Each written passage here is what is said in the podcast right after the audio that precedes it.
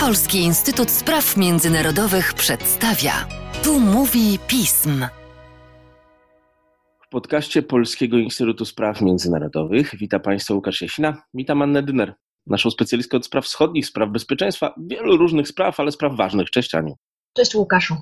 A sprawy ważne to także rozpowszechnienie się coraz bardziej na świecie przekonania, że w stosunkach międzynarodowych panuje już tylko brutalna siła, panuje tylko prosty rachunek zysków i strat i panuje na nowo koncert mocarstw. A jest to sprawa, którą trzeba troszeczkę poruszyć, bo w tym momencie kształtują się od nowa relacje między dwoma bardzo ważnymi państwami, między Stanami Zjednoczonymi i Rosją.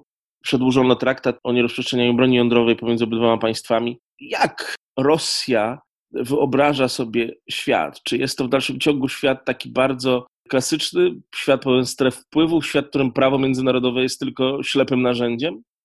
Rosja wyobraża sobie świat jako najlepiej, żeby to był koncert mocarstw, czyli kilka mocarstw, które decydują o w zasadzie kształtowaniu się całego globalnego porządku, w którym prawo międzynarodowe się raczej jest dostosowywane do tych najsilniejszych, w którym istnieją strefy wpływów i tak na dobrą sprawę i państwa w nich znajdujące się mają bardzo ograniczone zdolności do prowadzenia samodzielnej polityki zagranicznej. No i oczywiście istnieją obszary, które nie są zdefiniowane czy z góry przypisane do jakiegoś imperium, natomiast to są te obszary świata, w których toczy się największa rywalizacja. I to jest myślenie, które jest bardzo bliskie geopolityce, która właśnie postrzega świat jako miejscem starcia wpływów, walki o terytorium, walki o wpływy. Natomiast to myślenie jest oczywiście bardzo bliskim myśleniem Rosji. Jeżeli za często zaczynamy się posługiwać kategoriami geopolitycznymi, to wtedy się okazuje, że idziemy w sukurs myśleniu bardzo bliskiemu Kremlowi, a myśleniu, które powinno być bardzo dalekie nam, to znaczy państwom średnim i małym, państwom, które w sytuacji właśnie, tak jak wspomniałam, podziału świata na strefy wpływów miałyby bardzo ograniczone możliwości realizowania swoich własnych interesów, bo przede wszystkim musiałyby oglądać się na interesy hegemona. No i teraz pytanie, czy można byłoby przynajmniej sobie samodzielnie wybrać takiego hegemona, jeżeli już w ten sposób rozmawiamy. A jak wiadomo również z bardzo wielu opracowań naukowych, cały problem polega na tym, że interesy nawet bliskich sojuszników nigdy nie będą tożsame to oznacza, że tym bardziej nie będą tożsame interesy państwa małego czy średniego i hegemona, a jednak to właśnie interesy mocarstwa zawsze musiały przeważyć w sytuacji sprzeczności takich interesów. W jaki sposób możemy jako Polska właściwie temu przeciwdziałać i czy jest to w ogóle możliwe? Pojawiają się publicyści, którzy twierdzą, że musimy budować naszą samodzielną siłę, ale z drugiej strony dane zwłaszcza w sprawach związanych z bezpieczeństwem, na których się znasz, są twarde. My nie potrafimy sami obronić się przed choćby na przykład potencjalną rosyjską agresją. Absolutnie nie potrafimy się obronić samodzielnie przed rosyjską agresją. I wszyscy ci, którzy brali udział w jakichkolwiek grach wojennych, symulacjach, ja już nie mówię nawet o ćwiczeniach dowódczo-sztabowych, które są już zarezerwowane dla bardzo wąskiego grona najwyższych oficerów. Natomiast wszyscy sobie zdają sprawę z tego, że różnica potencjałów na korzyść Rosji jest olbrzymia. I już nawet nie trzeba myśleć o potencjale strategicznym, czyli potencjale jądrowym, żeby wiedzieć, że samodzielnie państwa takie jak Polska miałyby niewielkie szanse, żeby nie powiedzieć żadne w starciu z Rosją. Stąd też konieczność budowania koalicji, stąd też konieczność utrzymywania sojuszy wojskowych, politycznych, gospodarczych. I to jest to, czym państwa małe i średnie mogą przeciwstawić się hegemonom. Druga rzecz oczywiście, która też jest bardzo istotna, to jest budowanie myślenia o znaczeniu i roli prawa międzynarodowego.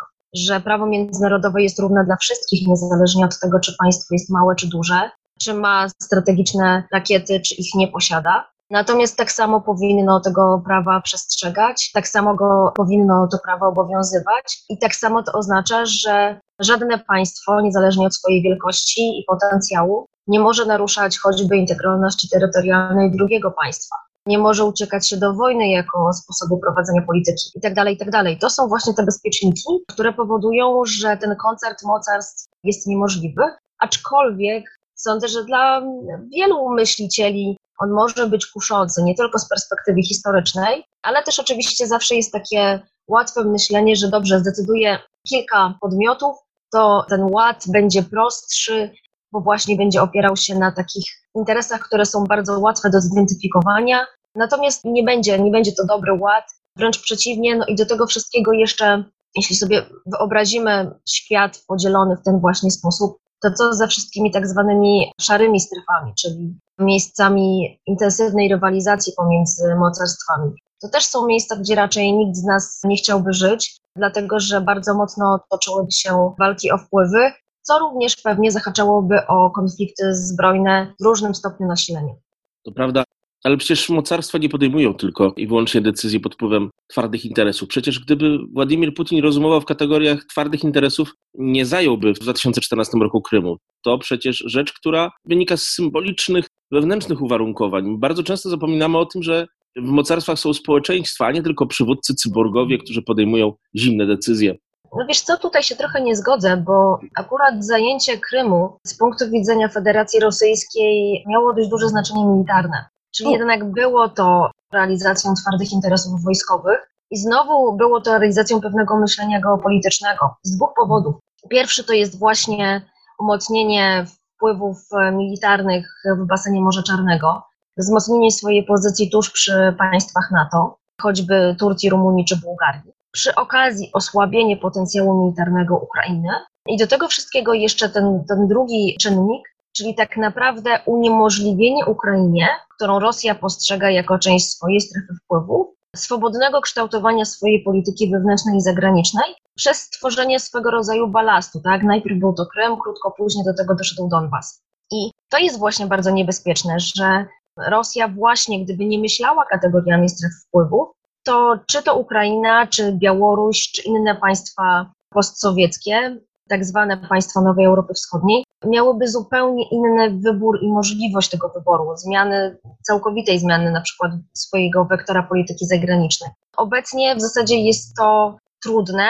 Ukraina zapłaciła bardzo dużą cenę za usiłowanie, czy w zasadzie inaczej, za próbę prowadzenia samodzielnej polityki zagranicznej. Oczywiście jej się to w miarę udaje, tak jak już wspomnieliśmy, kosztem tysięcy ofiar i kosztem okupacji sporej części terytorium. Jeśli chodzi o Białoruś, tutaj mamy bardzo wiele wątpliwości, czy w ogóle byłaby możliwość zwrotu wektora polityki zagranicznej.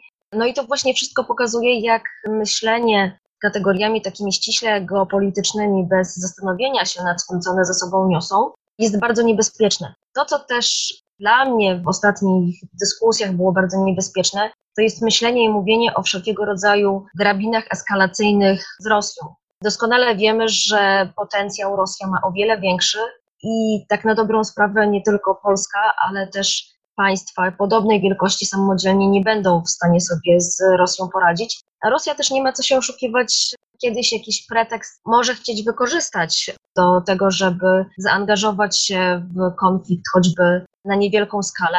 Teraz na razie nie, ale tak jak już wspomniałeś, politykę mocarstw warunkują również czynniki wewnętrzne, również czynniki społeczne. No i niektórzy złośliwie mówią, że czasem krótka, najlepiej jeszcze zakończona sukcesem wojenka powoduje, że nic tak nie wzmacnia wizerunku przywódcy, czy nic tak nie konsoliduje społeczeństwa wokół przywódcy, jak właśnie jakiś konflikt zbrojny. Zwłaszcza mocarstwa w kryzysie. Ale myślę, że tutaj się z kolei zgodzimy, że jednak współistnienie mocarstw, polityka międzynarodowa, to jest zespół czynników bardzo różnorodnych, nie tylko geografii, nie tylko mocarstwowej polityki, ale też właśnie kwestii wewnętrznych, społecznych, historycznych, symbolicznych, coraz bardziej wzrastających współczesnych uwarunkowań. Bardzo niepełnym jest jednak taki świat, który analizujemy tylko przez taką zimną geopolitykę. Oczywiście, że tak, bo tak na dobrą sprawę to też by oznaczało, że po wiek wieków jesteśmy zdeterminowani geografią i miejscem na mapie. Oczywiście nie możemy tego absolutnie odwrócić z bardzo wielu powodów, choćby od myślenia o kwestiach obronnych, o myśleniu o kształtowaniu naszych potencjalnych sojuszy w swojej własnej polityce.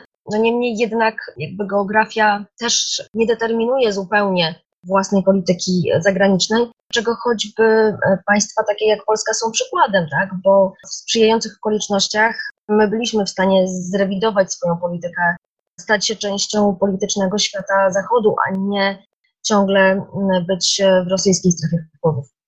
Bo takie rzeczy rzeczywiście można zmienić. Będziemy ani od czasu do czasu rozmawiali właśnie o takich sprawach na łamach, albo jeżeli można powiedzieć, na falach naszego podcastu. Wiedza o świecie wymaga takiego uzupełnienia. A za dzisiejszy podcast bardzo Ci, Aniu, dziękuję.